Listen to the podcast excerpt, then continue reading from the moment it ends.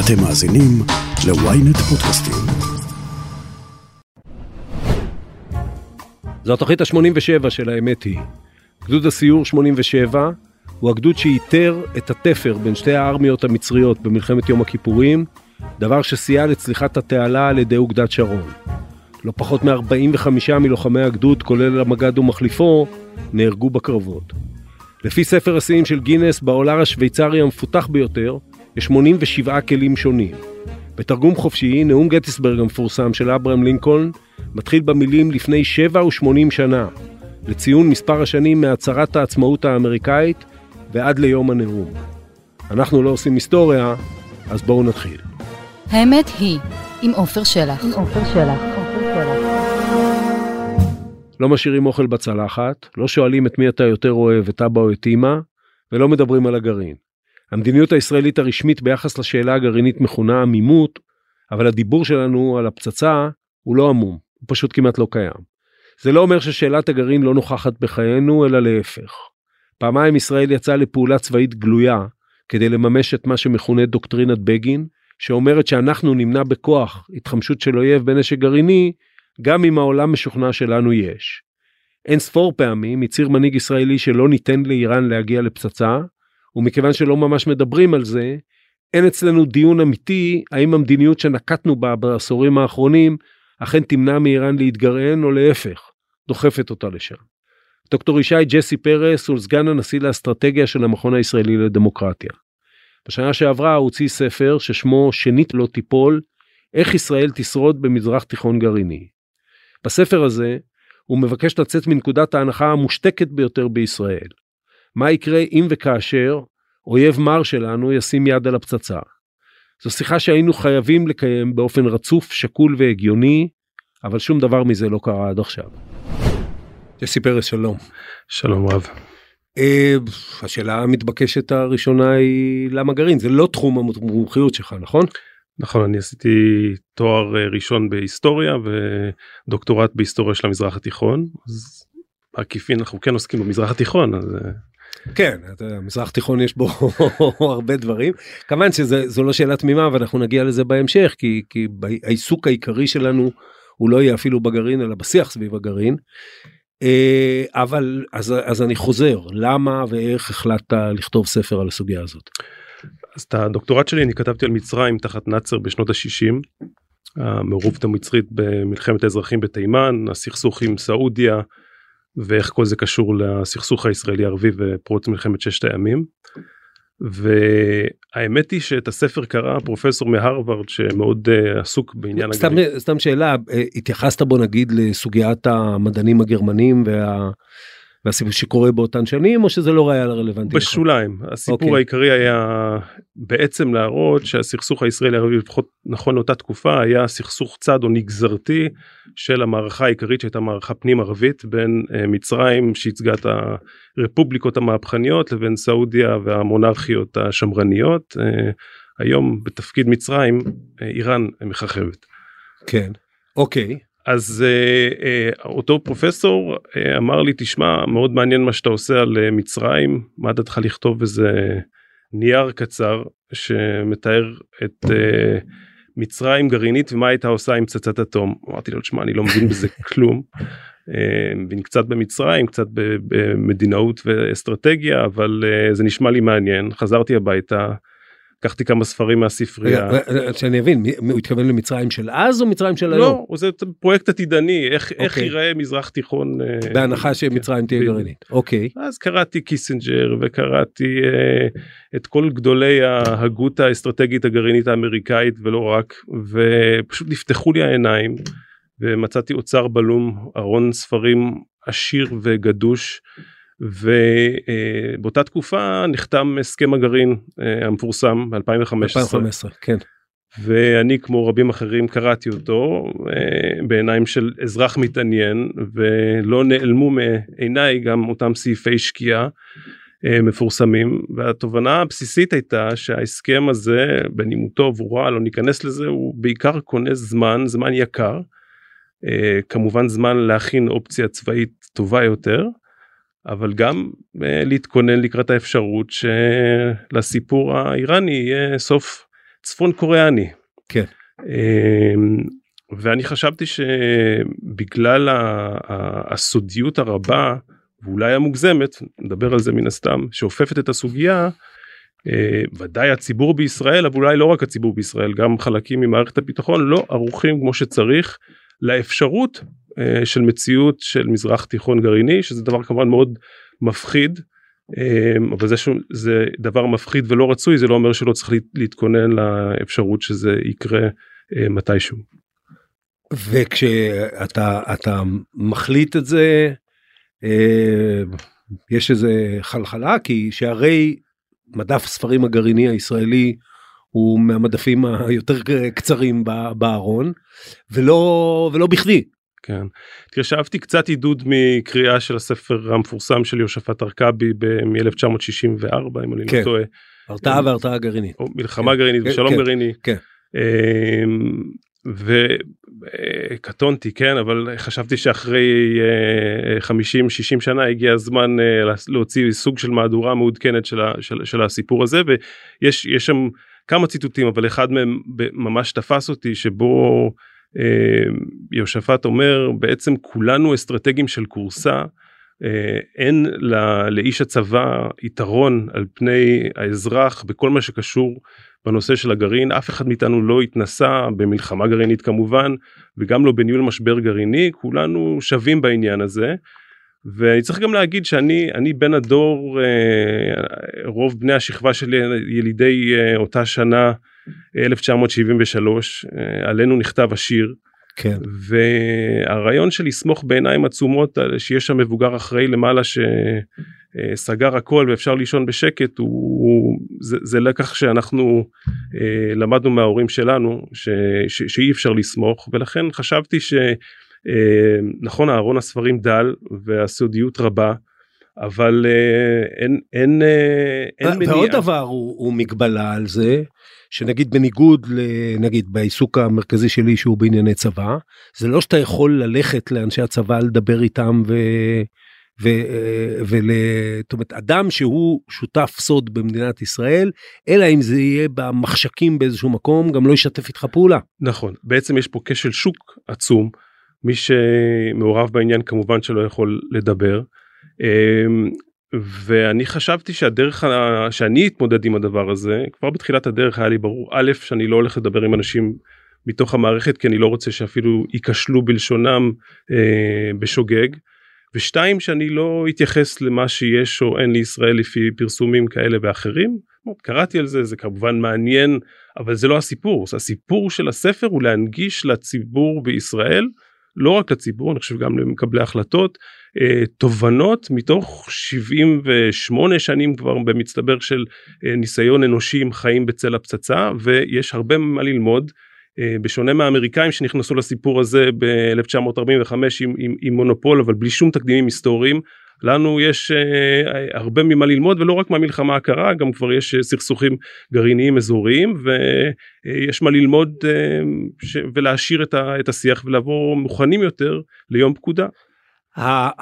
מה שעוד חסר לך על פניו אני מניח זה המידע שיש במידה שיש למערכת המודיעין הישראלית הן על הפיזיקה של הגרעין נגיד באיראן למרות שאתה מתייחס בכלל לסוגיה של מזרח תיכון איך ישראל תחיה בעידן גרעיני אבל אה, לפיזיקה ולכוונות.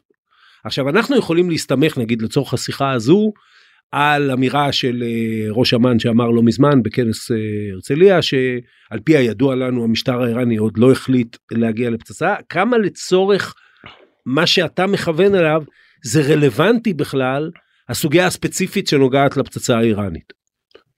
לא מאוד רלוונטי לא בטווחים בטווחי זמן קצרים. אני בעצם מסתכל אל, אל מעבר לאופק. אני לא יודע להגיד אם זה בעוד שנתיים עוד חמש שנים או עשר שנים אולי עשרים שנה ולא יודע גם להגיד מה ההסתברות של הדבר הזה. אבל הנחת המוצא של התרגיל הזה התרגיל הרעיוני הזה שיש להם ושבעקבותיהם כנראה גם אה, לסעודים יש ואולי גם למצרים. אנחנו אפילו לא מתעסקים עם ההגדרה מה זה אומר יש להם אנחנו כמו שהם מניחים היום לגבינו אנחנו מניחים לגביהם יש להם פצצה שהם יכולים להשתמש בה. כן עם כוכבית אחת שכמובן אה, אני, אני כופר בהבחנה הפשטנית הבינארית בין יש ואין שהיא גם נפוצה בחלקים מה, מהספרות יש יש כמובן סף שנחצה ואפשר להתווכח על מהו מה אותו סף אבל אחרי שהסף נחצה יש גם תהליך שלם של התפתחות של ארסנל גרעיני עם, עם הרבה סעיפי החלטה וכיוונים שהוא יכול ללכת אליהם וזו סוגיה מאוד מעניינת כי ההחלטות שמק, שתקבל למשל איראן גרעינית לגבי ההרתעה הגרעינית שלה יש לה יש לה נשכות ישירות על סוג ההרתעה שישראל תצטרך לסגל לעצמה כמובן שזה ברגע שזה מערכה רב קוטבית זה, זה נהיה מאוד מאוד מורכב ומאתגר ומסוכן.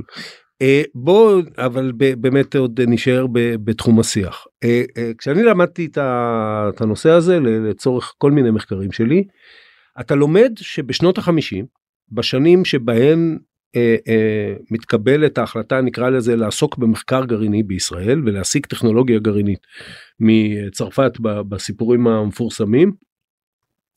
יש על זה דיון יש על זה דיון גם בדרגי מקבלי החלטות וגם סוג מסוים של דיון ציבורי. בדרג מקבלי ההחלטות נשקלות למשל אלטרנטיבות כשהאמירה היא ישראל חייבת ל, ל, לייצר לעצמה סוג של של סף ביטחון אני לא אגיד מושלם אבל קרוב לכל האפשר הרתעה גדולה בזה והאופציות הן ברית חיצונית נגיד עם הברית או צרפת זה מה שמדובר שם אה, אה, ולמשל אה, הרתעה גרעינית. זאת אומרת זה מוצג כאופציה שדנים בה ודנים בזה גם בחוץ. במקביל יש מגיעים אנשי רוח לביתו של בן גוריון גרשום שלום ואחרים ומנסים לשכנע את בן גוריון שלא ללכת לאופציה גרעינית כי זה יגרום למזרח תיכון גרעיני כי המדינה היהודית המוסרית לא צריכה להחזיק נשק כזה ביד.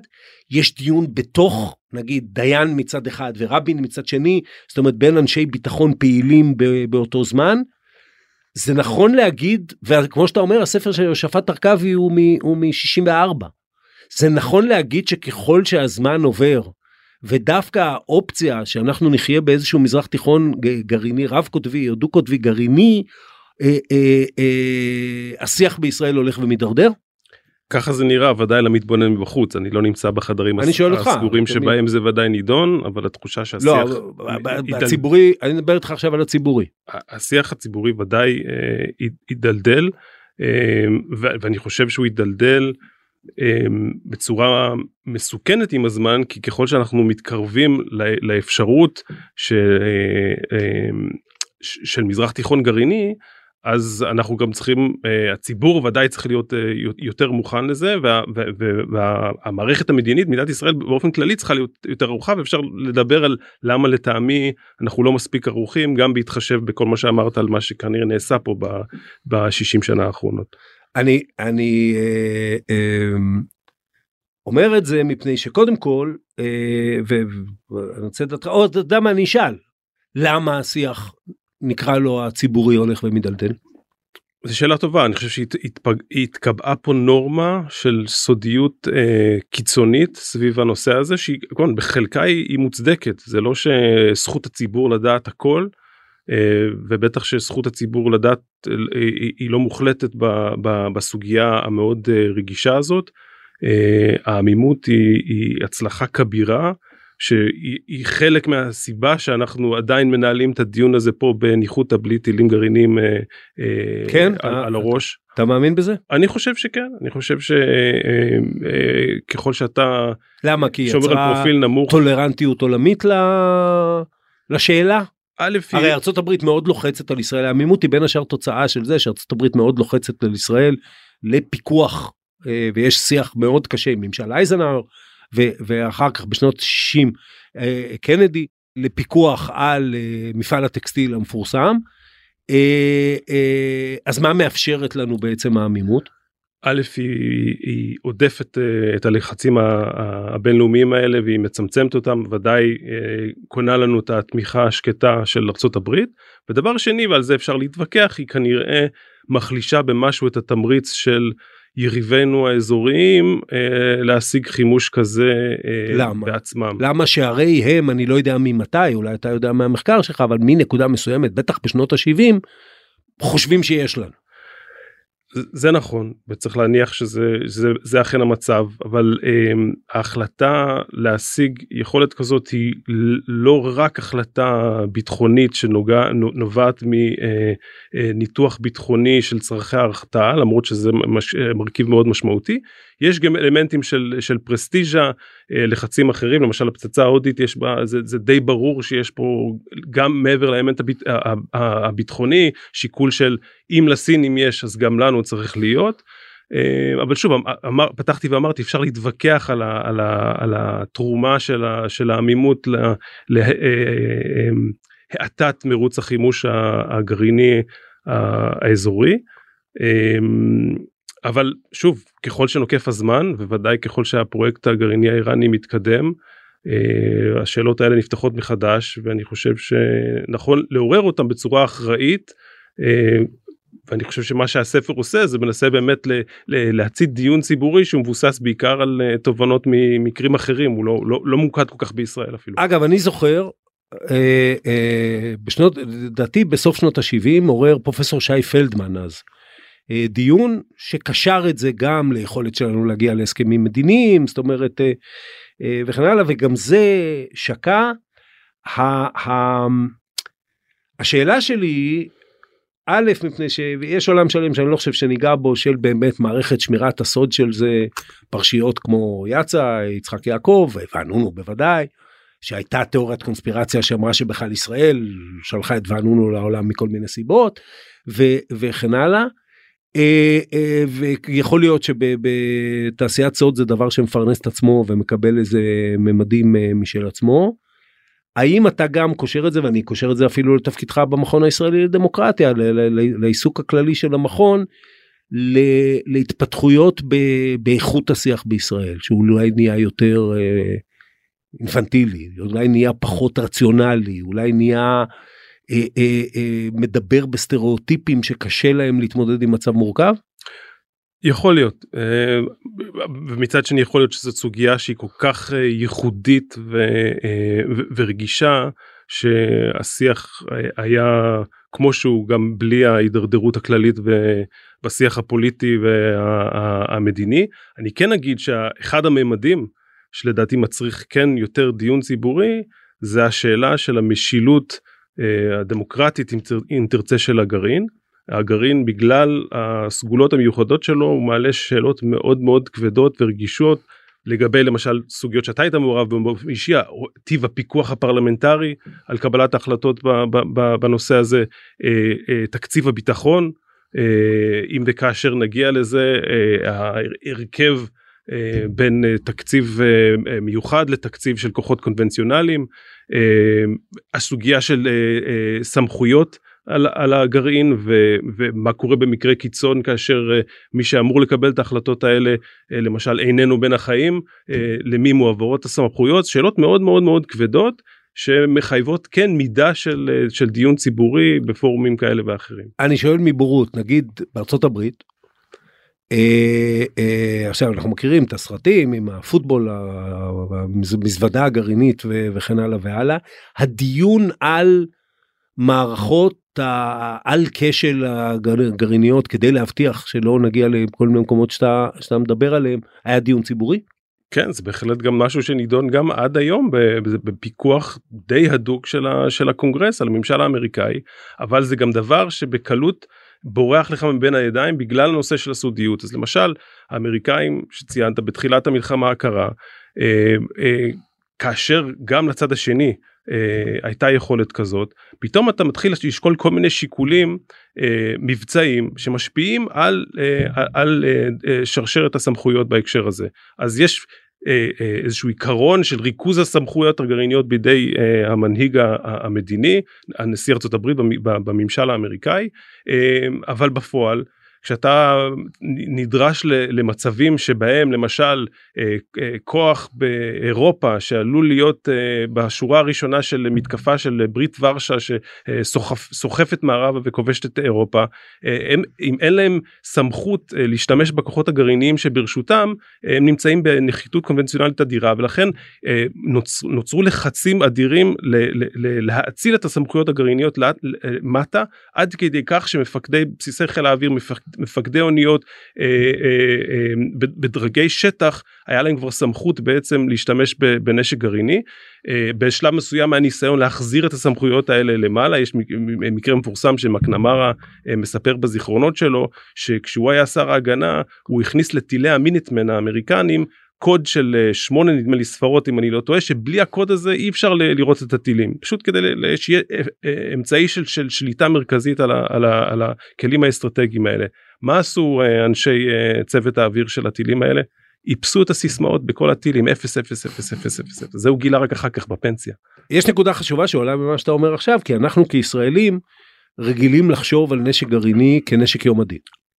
זאת אומרת כשאתה תרצה להשמיד את ישראל אז אתה תשתמש בנשק גרעיני אה, אה, ואילו בעולם גם יש סיטואציות בוודאי הודו פקיסטן או דברים כאלה וגם במה שהתפתח מהמלחמה הקרה וגם יש קו שלם של חשיבה שאומר כן זה כמו נשק קונבנציונלי רק הרבה יותר חזק נכון? נכון יש תפיסה פשטנית אה, שהיא קשורה באותה נוסחה אה, מקברית של אה, השמדה הדדית מובטחת שרואה באמת בפצצה נשק יום הדין ובעצם כלי לתגובה או ענישה במצב קיצון. זה נכון במידה מוגבלת וזה מאוד תלוי ביציבה הגרעינית של המדינה המדוברת אבל דווקא כשאנחנו מנסים ללמוד ממדינות אחרות הדפוס המעניין שהוא הוא, הוא בעיקר מאומץ על ידי מדינות קטנות חלשות שיש להן יריב קונבנציונלי עדיף והדוגמאות המובהקות פה הם צפון קוריאה ופקיסטן. אה, שהן אה, אין להם את הלוקסוס הזה. צפון קוריאה לא יכולה להגיד אה, טוב אם האמריקאים יתקיפו אותנו בגרעין הזה נשיב מלחמה שערה. לא הם רוצים להציל, רוצים להציל קים רוצה להציל את עצמו ואת המשטר שלו. מה גם שהאמריקאים יכולים להשתמש בחימוש קונבנציונלי מדויק כדי לחסל את המשטר.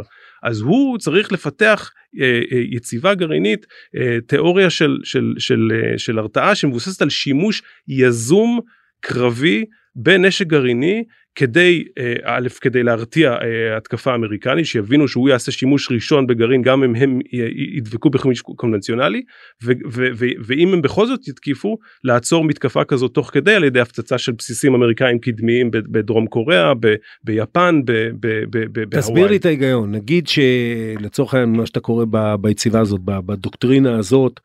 אז אה, קרבית אה, נקרא לה, או כן. ההסלמה הסימטרית. אה, צפון קוריאה רואה את עצמה מאוימת באופן שמאיים על המשטר או על משהו בשרידות של משהו ברמה דומה. והיא בתוקף זה מחליטה לתקוף אתר עיר לא לאו דווקא את סאול אלא עיר בדרום קוריאה או לחילופין בסיס צבאי גדול וכן הלאה בנשק גרעיני הרי זו הצדקה מיד להתקפה גרעינית מסיבית של ארה"ב על צפון קוריאה לא? אז אני אחדד אפשר גם לדבר על פקיסטן שזה מקרה שונה אבל אבל אה, אבל אה, דומה ורלוונטי אני חושב. הרעיון הוא שאם האמריקאים ירצו לתקוף את צפון קוריאה הם יצטרכו לקדם אה, אה, כוחות משמעותיים לפריפריה אה, ודאי לדרום קוריאה ליפן ועל ריכוזי הכוחות האלה הם ימטירו נשק גרעיני אה, צבאי אה, צבאי מול צבאי? צבאי מול צבאי. ברור. ואם אה, עכשיו עכשיו הם מפתחים גם אה, כבר יש להם יכולת בסיסית עם אה, טילים בליסטיים בין יבשתיים יש להם כבר יכולת להגיע אה, אה, לסן דייגו לוושינגטון אפילו.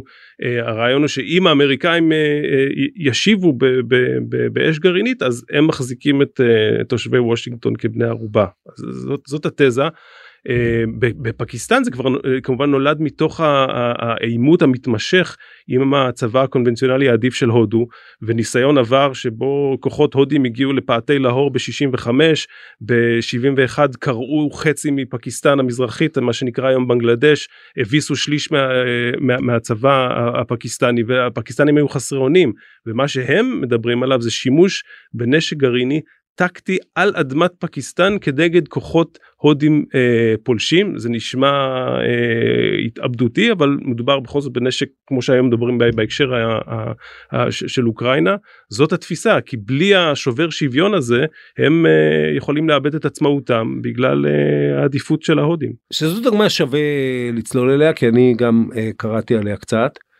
אה, הודו ופקיסטן אני חושב שזה אירוע ייחודי שהן מקיימות סכסוך לא פוטנציאלי כמו צפון ודרום קוריאה, שוב, היו פה כל מיני דברים קטנים, אבל כולל מערכות אה, עם מאפיינים שאפילו אנחנו יכולים, יכולים לראות לנו כמו אה, מוכרים, כמו סכסוך טריטוריאלי בקשמיר, כמו כוחות פרוקסי שפועלים בכל מיני מקומות, כמו פיגועי טרור מאוד גדולים, נגיד של אה, פקיסטנים, שלוחים פקיסטנים, על אדמת אה, הודו. של סכסוך אה, עם מאפיינים דתיים זה מוסלמים מול בעיקר הינדים לא שאין אה, מוסלמים בהודו אבל בעיקר הינדים.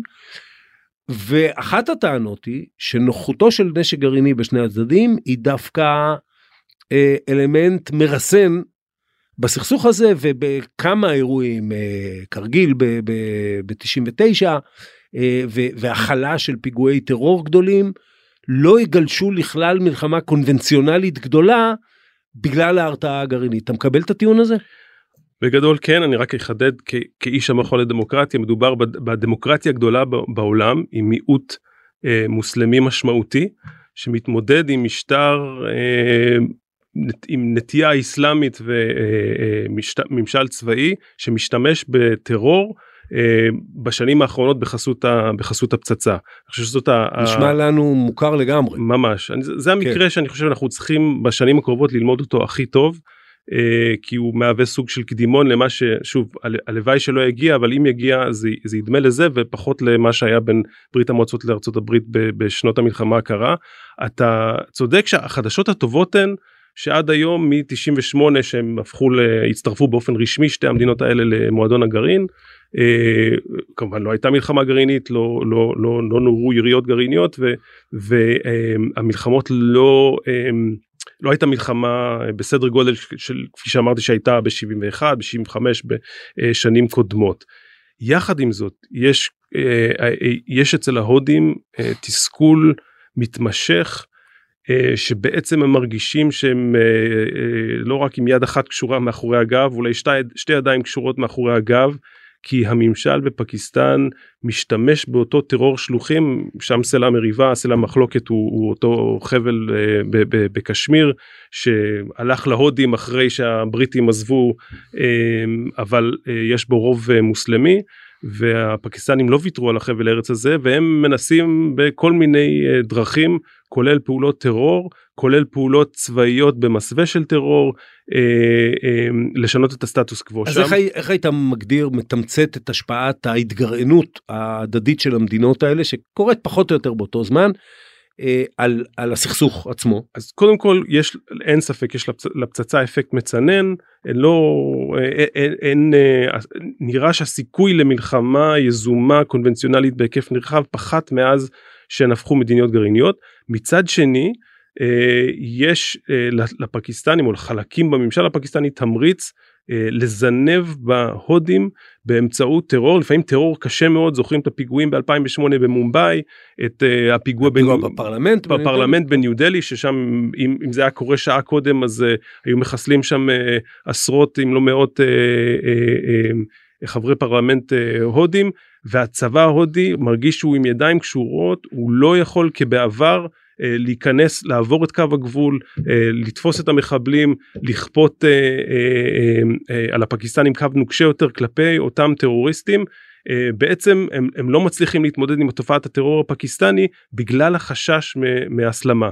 זה, זה פרדוקס שמוכר מהספרות האסטרטגית בתור הפרדוקס יציבות אי יציבות. בעצם מתייחס למצב שיש שתי מדינות עם, אה, אה, עם יכולת גרעינית משמעותית כל אחת אה, לא רוצה להגיע למלחמה גרעינית כי זה, מהלך אובדני אבל דווקא בגלל החשש המשותף מפני הסלמה למישור הגרעיני ודאי לאחת המדינות שיש לה אינטרס לשנות את הסטטוס קוו יש אה, אה, אה, אה, תמריץ לחולל התגרויות קטנות מתוך הנחה שהצד השני לא לא, לא יוכל לא, להתמודד איתם כי הוא לא רוצה להגיע לאותו מישור גרעיני. אז השאלה הישראלית המתבקשת היא האם אתה מכיל וכמובן אנחנו לא מדברים על מודיעין אלא על, על מה שאתה לומד מתוך ההתנסות בעולם האם אתה מכיל את אותו דבר נגיד על זה שאם איראן היא גרעינית לצורך העניין חיזבאללה מתנהג אחרת מול ישראל ומרשה לעצמו יותר אה, וההרתעה שאנחנו ההרתעה הדדית צריך להגיד שמתקיימת בגבול הצפון שלנו כבר מעוד אה, אה, מ-2006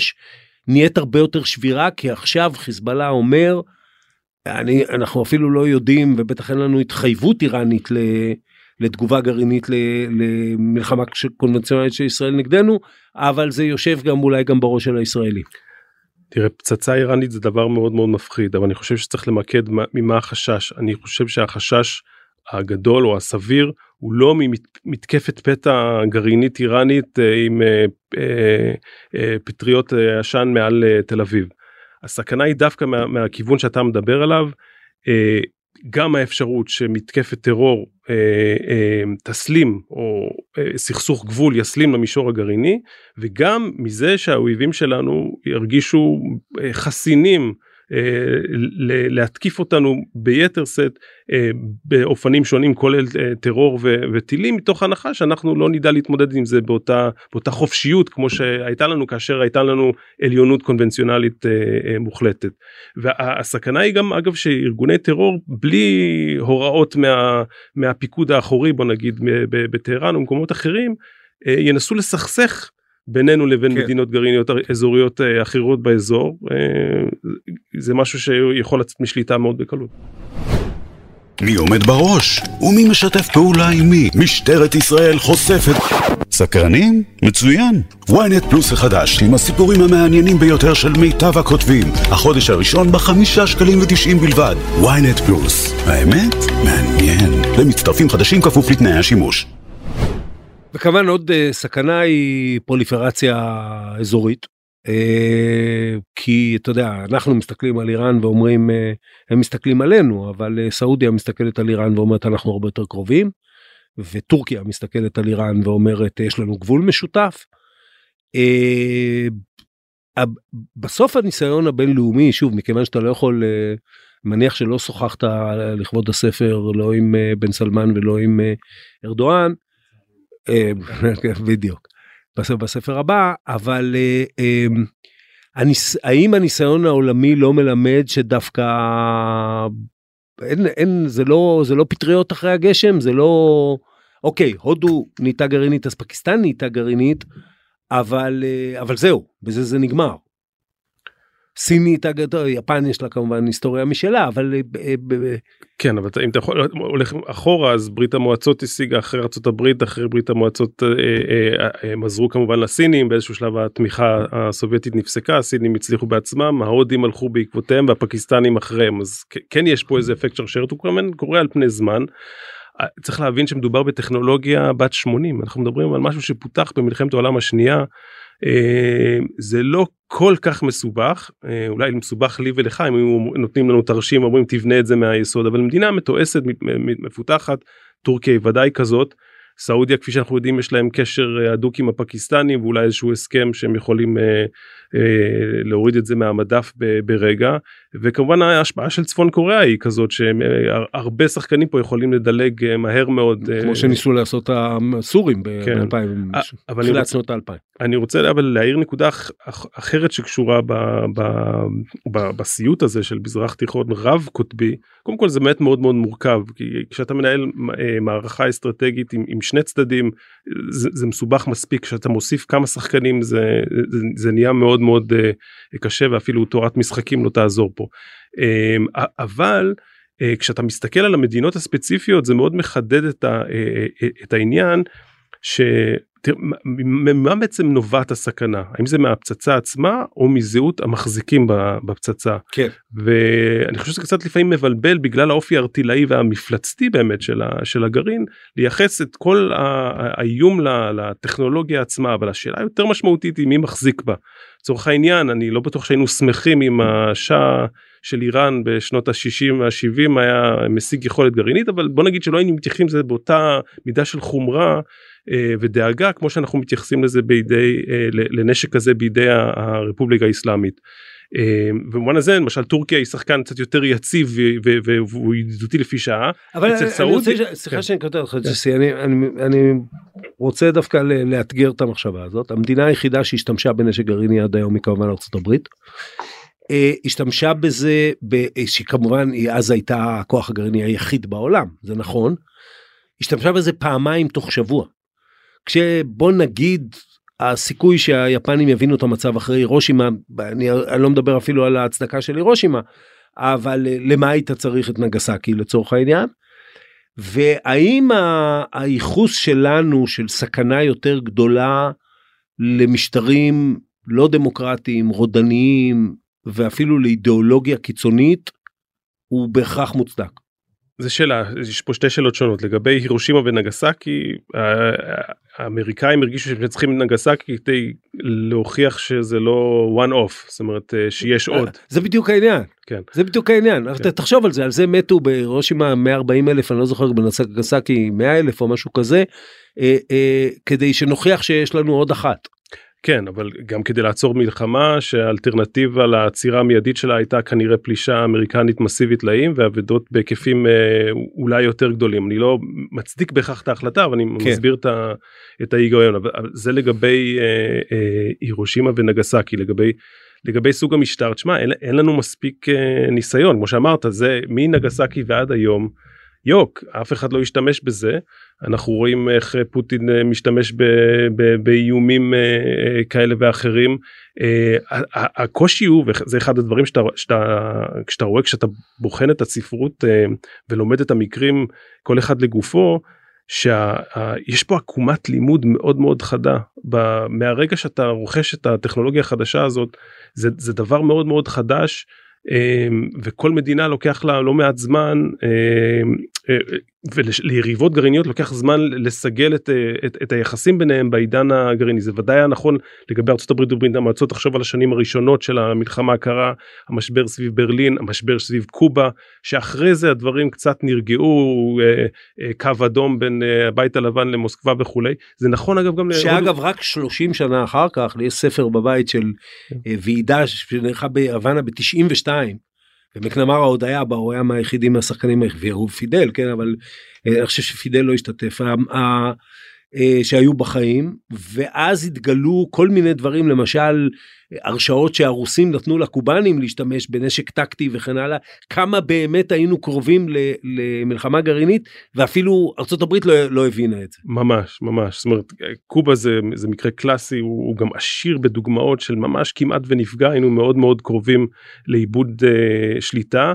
אמ, והרבה מהסיבה היא שאנחנו זה פשוט אה, היו מנהיגים שזה התנסות הראשונית שלהם עם, ה, עם, ה, עם המצב הזה. תשמע שקנדי נבחר כנשיא בגיל 43 הוא לא דמיין שתוך שנה וחצי הוא uh, יצטרך לנהל משבר גרעיני וטילים על המרפסת הקדמית שלו מרחק יריקה מפלורידה. אבל תחשוב גם אתה הזכרת מלחמת קרגיל הודו פקיסטן. ב-98 הפיצוצים הניסויים הגרעיניים של שתי המדינות האלה. ב-99 כבר הפקיסטנים שנה אחר כך הם שולחים אה, קבוצה של לוחמים מחופשים לטרוריסטים כדי לתפוס אה, חבל ארץ אה, בקשמיר מתוך הנחה שה, שה, שההודים לא יוכלו להתמודד עם זה. שנתיים אחר כך קורה הפיגוע בניו דלי שהוא בהשראה וכנראה מימון ודחיפה של הממשל בפקיסטן זאת אומרת הנטייה לקחת סיכונים היא, היא, היא, ו, ו, ו, היא, היא מאוד מסוכנת והיא קורית בעיקר בהתחלה שזה תקופה מאוד מאוד מסוכנת ואני אה, חושב שגם אם אנחנו נגיע לזה צריך לשים לב השנים הראשונות יהיו מאוד מאוד מאתגרות. החידוש הדוקטרינרי הישראלי לצורך העניין הוא מה שנקרא לימים דוקטרינת בגין והיא ישראל לא תיתן למדינה אחרת אה, אה, ותמנע בכוח ממדינה אחרת ממדינה אויבת לצורך העניין להתגרען מה שעשינו בעיראק ב-81 ובסוריה ב-2007 מעניין כמה דברים אחד ארה"ב שוקלת את זה כשהיא מונופול גרעיני היא שוקלת את זה מול ברית המועצות אחר כך שוקלת את זה מול סין ואחר כך היא שוקלת את זה עם קוריאה. צפון קוריאה ובאף אחת מהפעמים היא לא מממשת את זה. ושתיים האם אה, אה, מה לדעתך או ללימודך ההשלכות של דוקטרינת בגין האם דוקטרינת בגין באמת מרתיעה ואני לאו דווקא מדבר על היריבים שלנו אבל בסוף איום אה, צבאי כולל אה, המימוש שלו במקום או בנקודה מסוימת אכן מרתיע מדינה שמחליטה להגיע לגרעין. אה, אתה צודק שהאמריקאים אה, חשבו על זה גם בהקשר של ברית המועצות. אה, קשה להגיד בדיעבד זה עוד לא לגמרי ברור עד כמה הם באמת היו קרובים למלחמת מנע. בצפון קוריאה בשנות התשעים במובן מסוים עד היום יש פלגים בממשל האמריקאי שקוראים uh, לעצור את זה לפני שיהיה מאוחר מדי אבל אני חושב שהיום יש די קונצנזוס בין המומחים שמאוחר מדי ברגע שיש טיל בליסטי בין יבשתי שמאיים על וושינגטון uh, הסיפור די גמור. Um, אבל ההבדל הגדול כמובן בין ארצות הברית uh, לבין ישראל שהוא גם נכון בינינו לבין הודו סין ברית המועצות סלאש רוסיה זה שאנחנו מדינה קטנה. מדינה של פצצה אחת כמו שאמר רפשנזל. כן אני לא, לא, לא כופר בהגדרה הזאת אבל אה, זה לא מאוד רחוק מהאמת אנחנו ודאי לא uh, מעצמה יבשתית אדירה שיכולה לספוג uh, כמה טילי גרעין ו, ו, ו, ו, ולהמשיך קדימה. Um, לנו אין שולי ביטחון של, של מעצמה ולכן הסיפור הזה הוא כל כך רגיש ומסוכן מבחינתנו ולכן הדוקטרינה הזאת שהיא באמת סיפור הצלחה פנומנלי. ו, צריך להגיד ביושר אנחנו כולנו חייבים תודה ענקית לשורה של מנהיגים אמיצים מבגין ועד בנט משמיר דרך אולמרט שרון ועד נתניהו ש, שבזכותם אנחנו באמת מנהלים את הדיון הזה בלי בלי האיום הזה על הראש.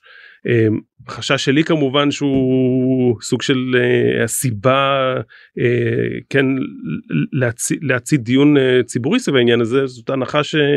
אה, האם אפשר לסמוך על זה שעל הצלחות העבר שתימשכנה גם אה, בעתיד האם האם אולי לא לא לעולם חוסן. אני אני אשאל את זה אחרת כי אתה בדברים האחרונים שלך מקבל לחלוטין את אה, אה, ראיית הגרעין בידי אויב כלשהו דרך פריזמת הסיכול הישראלית.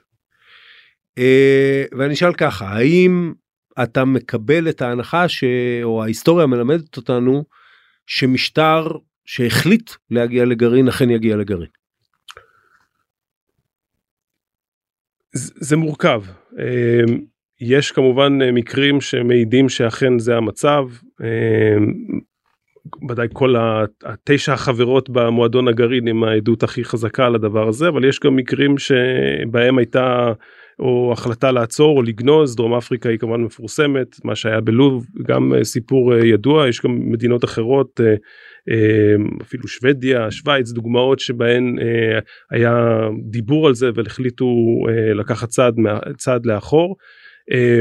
תראה אנחנו מדברים על ההצלחה הכבירה של 81 אבל uh, uh, ב-91 שהאמריקאים נכנסו הם גילו פרויקט די מתקדם זאת אומרת ההצלחה הייתה הייתה הייתה מוגבלת.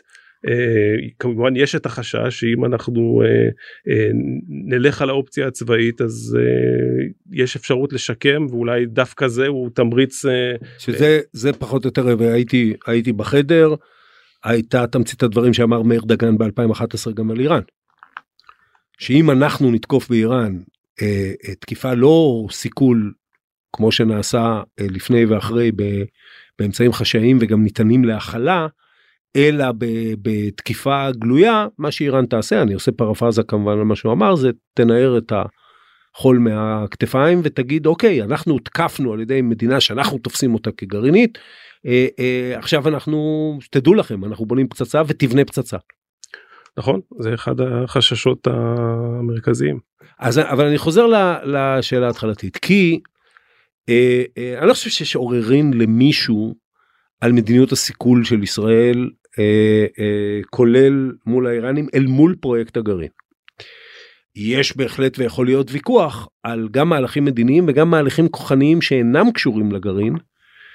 וסביב השאלה האם הם לא עלולים לדחוף לא שהאיראנים יחליטו ובוא, ובוא נגיד את זה פה בדיון בינינו האיראנים החליטו אה, על להתחיל להתקדם פרויקט גרעין כתוצאה ממלחמת איראן עיראק כתוצאה מהרג של מאות אלפי איראנים בהפגזה של כבדה מאוד של הערים ושימוש בנשק אה, כימי על, אה, על אה, איראנים וכן הלאה וכתוצאה משיקולים של שרידות המשטר שהם רואים אותו כמשטר השיעי המוביל בעולם שמאוים גם על ידי הסונים גם על ידי האמריקאים גם על ידי ועדיין האם למשל יציאת טראמפ מהסכם הגרעין ב2018 שבעיני האיראנים ואני לא רוצה להיכנס לדיון מה היה שם בדיוק ב, בוודאי נדחפה על ידי אה, ישראל ו, וממשלות אה, נתניהו, לא מקרבת את האיראנים להחלטה שהם אה, צריכים ללכת לגרעין. כמובן המערכת השיקולים שלהם היא, היא מורכבת והיא לא לחלוטין גלויה בפנינו ודאי לא בפניי. אמ, צריך, אתה, אתה מעיר פה נקודה חשובה שבמערכת השיקולים שלהם ישראל היא לאו דווקא כל כך מרכזית כמו שאנחנו שיושבים פה ומרגישים את האיום האיראני ואת החרב שלהם על הצוואר אה, מייחסים לה. כשהם מסתכלים מסביב הם רואים שוב היסטורית הם רואים איום אה, מצד רוסיה בצפון זה כמובן לא, לא נשמע היום. אתה הזכרת את עיראק החוויה של מלחמת איראן עיראק שהייתה המניע הראשוני לפיתוח היכולת הגרעינית אה, הם מסתכלים על ארה"ב שפעמיים נכנסה לעיראק ועשתה את מה שעשתה ומרגישים ועשתה ש... הפיכה אגב עוד בימי השעה אבל עשתה הפיכה באיראן ב-53 כאילו לא זר לאמריקאים להתערב בכל מיני מדינות. נכון, זאת אומרת האויב הייחוס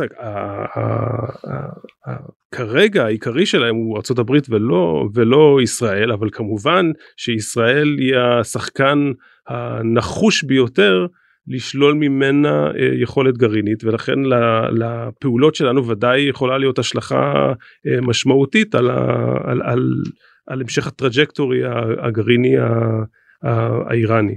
אה, ואני חושב שאנחנו אחד מהצידוקים לשיחה הזאת או לבהילות תחושת הדחיפות שמלווה את השיחה זה העובדה באמת שהאמריקאים לוקחים צעד אחור לאחור במזרח התיכון באופן כללי והמחויבות שלהם אה, גם לנושא הזה למניעת אה, יכולת גרעינית מאיראן נראית רופפת אה, נוכח סדרי העדיפויות העולמים שלהם. ש... וזה למרות כמובן שממשלים כל הממשלים חזרו על מחויבותם לעניין הזה וגם ברור שנשק גרעיני. גם הבטיחו שלצפון קוריאה לא יהיה. זה נכון גם וגם אתה יודע איראן גרעינית היא בעיה באמת לא רק שלנו. אבל אין ספק שההתרחקות האמריקאית מהאזור היא, היא לב הבעיה אגב גם מול התוקפנות האיראנית האחרת כלפי ישראל. אני אשאל אותך לסיום אה, בלי להתייחס למה עובר איזה סדנה סדנת הכשרה עובר מנהיג ישראלי כשהוא מגיע לשורת מקבלי ההחלטות מה לטעמך הוא צריך ללמוד הוא או היא צריכים ללמוד. אה, תראה, אני, אני ברשותך אני ארחיב קצת את השאלה מה מה אזרח ישראלי צריך ללמוד או מה, מה, מה מדינת ישראל באופן כללי צריכה ללמוד אני חושב שהתחלנו מזה שהשיח מאוד uh, דל uh, וכשאתה מסתכל על ההיסטוריה של הסכסוכים הגרעיניים האלה אתה מבין שהאתגר הגרעיני הוא אתגר מאוד מאוד מורכב זה לא רק אתגר uh, צבאי טכנולוגי שצריך בו פיזי, בשבילו פיזיקאים ומומחי טילנות. זה אתגר שיש בו ממדים כלכליים, שיש בו אתגרים של תשתיות לאומיות. אה, אנחנו, אתה, מדינה נדרשת להרבה סוגי מומחיויות כדי להתמודד באפקטיביות עם האתגר הגרעיני. ובגלל אותה סודיות שעוטפת את הסוגיה אין, אין לנו את המומחים האלה, אין לנו את, ה, אה, את הברנרד ברודיס שלנו, את ההנרי קיסינג'ר שלנו, ואני חושב שחלק ממה שהספר מנסה לעשות זה לעורר את השיח, לעורר עניין כדי שיצמח פה דור של חוקרים, של אזרחים מתעניינים ושל חוקרים, שביום פקודה הם ישמשו אותנו כשנצטרך להתמודד עם כל הממדים של האתגר הזה. אני מקווה שראש ממשלה שנכנס לתפקיד גם uh, יקרא כמה ספרים בנושא ויחשוב על המורכבות של, ה- של הסוגיה. שצריך להגיד uh, שום דבר מזה לא צריך לגעת ב- ב- במשהו סודי הספר שלך מן הסתם עבר צנזורה אני מניח שצנזור לא מחק הרבה. כמעט שלא הוספנו פה ושם uh, מקורות זרים אבל אבל אני אגיד כן עוד מילה לגבי ראש ממשלה כן. ומה לא, לא בהכרח זהו ראש ממשלה זהו עתידי מה שאני הייתי מצפה ממנו ופה אני באמת לוקח קצת צעד לאחור אני חושב שישראל לוקה בתכנון האסטרטגי שלה ביכולת לשרטט אה, יעדים אה, מעבר לאופק אה, ולבנות תוכנית עבודה של יעדי משנה ולוחות זמנים וכוחות ומשימות. אז נכון אנחנו לא המשטר הסיני כנראה שאצלנו התוכני, התוכניות חמש שנים זה תוכניות חומש זה לא יתאים לנו אבל אנחנו חייבים לכוון אל שנת המאה ולהגיע מוכנים בשלל היבטים. זה הסוגיה הפלסטינית זה הסוגיה החוקתית שעכשיו אה, מרעידה את הרחובות אה, וזה גם הסוגיה הגרעינית אה, לכוון לשם ולהגיע יותר מוכנים. זה תהליך אינטגרטיבי של תכנון אסטרטגי ארוך טווח למדינת ישראל שרק ראש ממשלה יכול להוביל. אני מקווה שימצא לזה פנאי וקשב. אני תקוותיי יותר צנועות אתה ואני נצא מפה עכשיו מההקלטה של השיחה הזאת וננסה להגיע הביתה באוטו ושם נלמד על כשלי התכנון האסטרטגי בישראל אז אולי בוא נתחיל מזה ג'סי פרס תודה רבה בהצלחה. עד כאן עוד פרק של האמת היא. אתם מוזמנים לעקוב אחרינו בוויינט רדיו, באפליקציה בנייד, ברכב או איפה שאתם שומעים את הפודקאסטים שלכם. אם זה קורה באפל או ספוטיפיי, אתם מוזמנים גם לדרג אותנו. בצוות גיא סלם ועמיתי אלוני, אני עופר שלח, להתראות.